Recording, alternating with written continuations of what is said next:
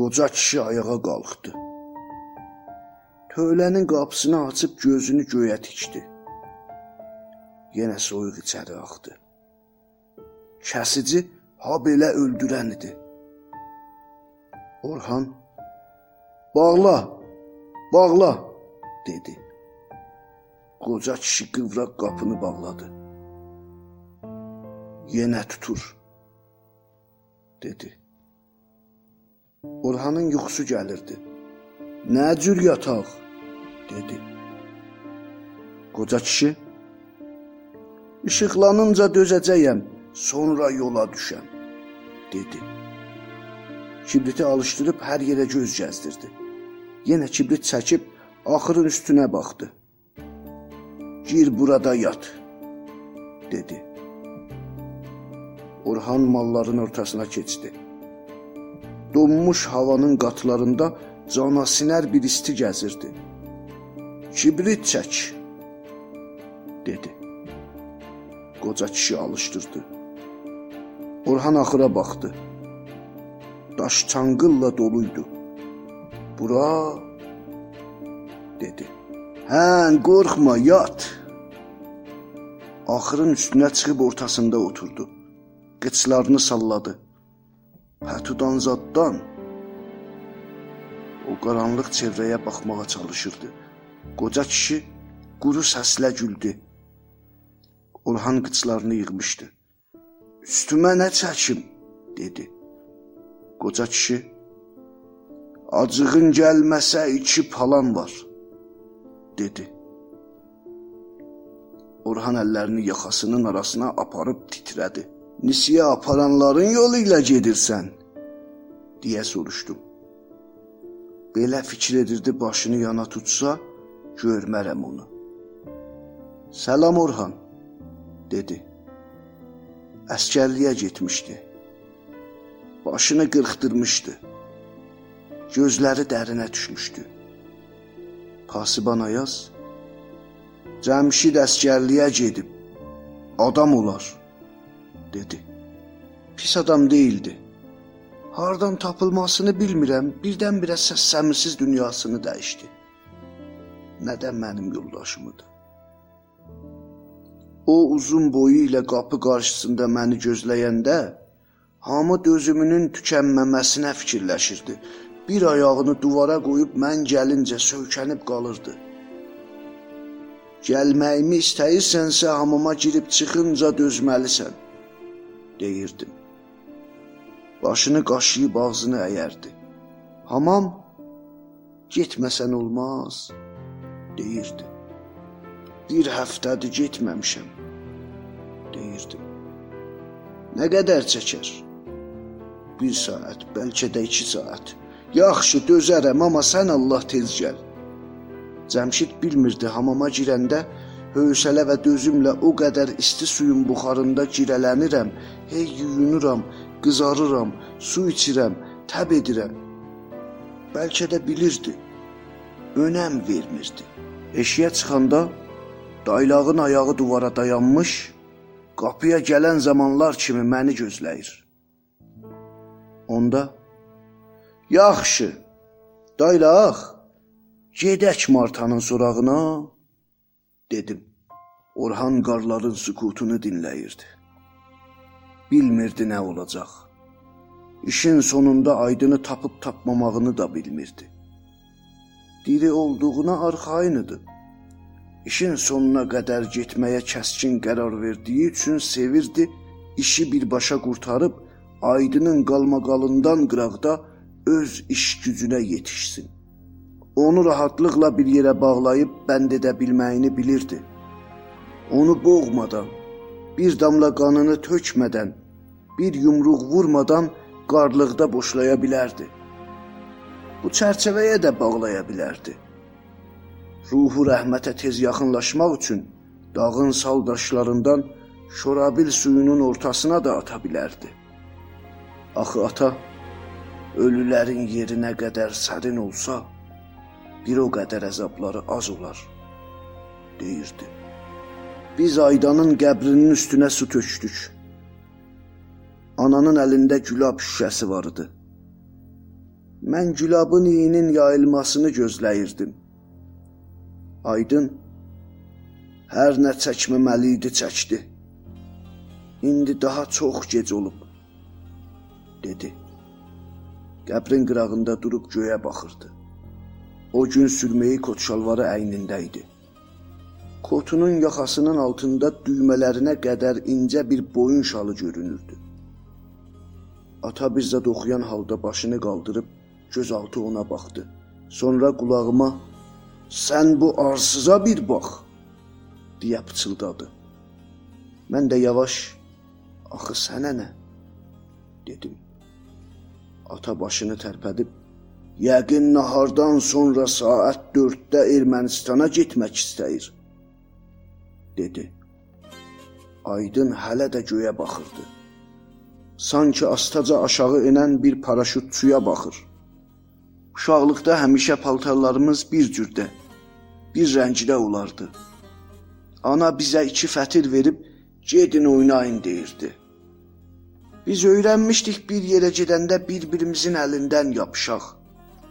Ana gahdan bizi düymə, tor, bir şey almağa göndərərdi. Bəzən də pəncə düzəldən Lord kərxanasına gedərdik. Mənlə Aydın əl-ələ verib kərxananın üz aşağı yolunu qaçardıq. Kərxana o aşağıda hürhür edərdi.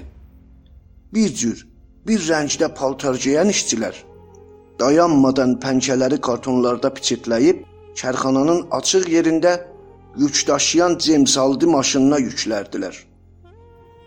Mən dərs oxuyan zamana kimi bircə məktəbə gedərdik. Şıltaqlığımız başqa uşaqlardan çox idi. Mən üzlü uşaqları ona göstərərdim. Aydın da onları divar dibinə çəkib qulaqlarının dibindən 3-4 şapalaq çəkərdi. Orhan mənim dadaşımdır. Yadından çıxmasın, deyirdi. Mən qızılca tutan günü dalına atıb mədrəsədən evə gətirdi. Ancaq həmişə ruzgar bir cür dolanmırdı. Yaxşı günlərdə var idi, pis günlərdə. Biz böyüdükcə pisləşirdik. Aydın bu məmləkətdə 30 yaşımıza yetişməmiş aradan gedərik. Sən bir cür, mən bir cür, ayda da başqa cür dedi. Mən Dadaş, iş cavazı mənim adıma olmalıdır dedim. Eybi yoxdur, sənin adına olsun dedi. Şərikin rızayəti məhzərdə də səbtə yetirilməlidir. Amma biz qardaşıq, şərik yox dedim. Cavazı öz adıma səbtə yetirdim. Pasiban Ayaz 10 addım qabağa düşdün indi dedi.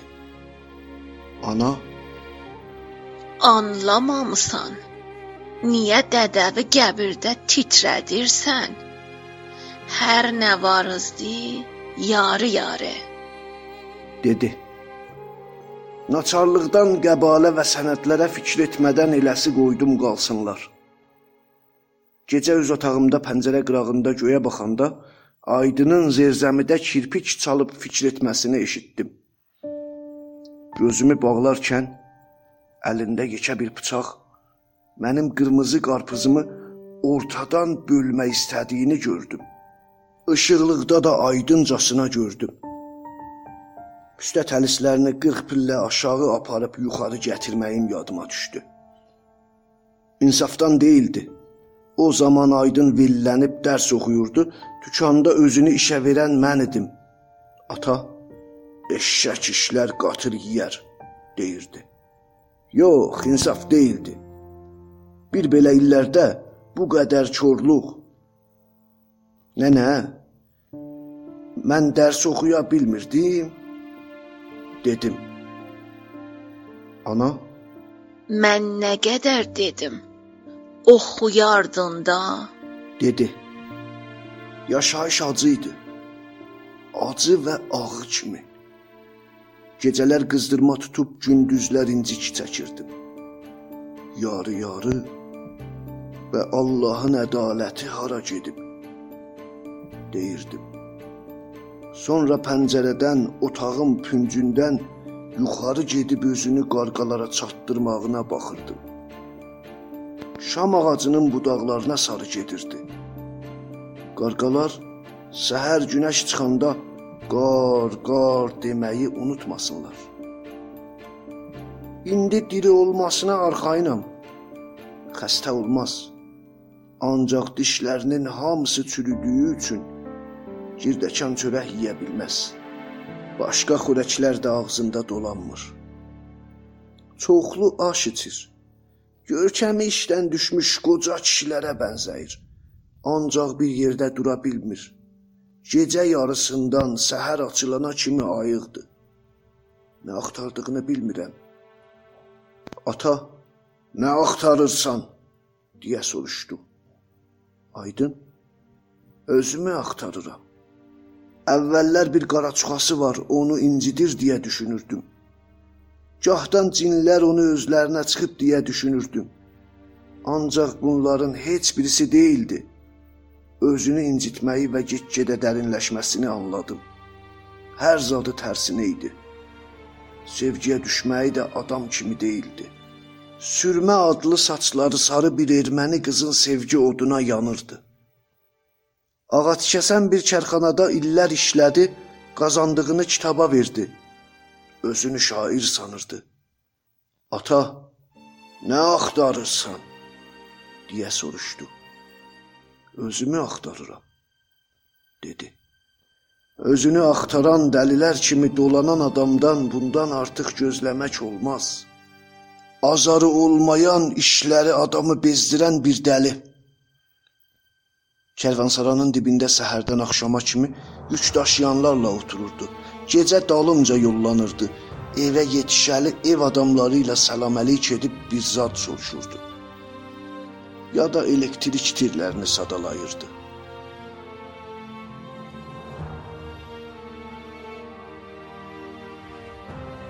Ölülər Senfoniyası 1-ci çap Yazar Abbas Mərufi Çevirən Əhəd Fərəhməndi Düzənləyən Əli Salmanzadə Səsləndirənlər Ağa Cabir Purbagiri Xanım Elnarə. Hər zamanki kimi bizimlə olun. Bizim axağımızın adresi Dastanca D A S T A N C A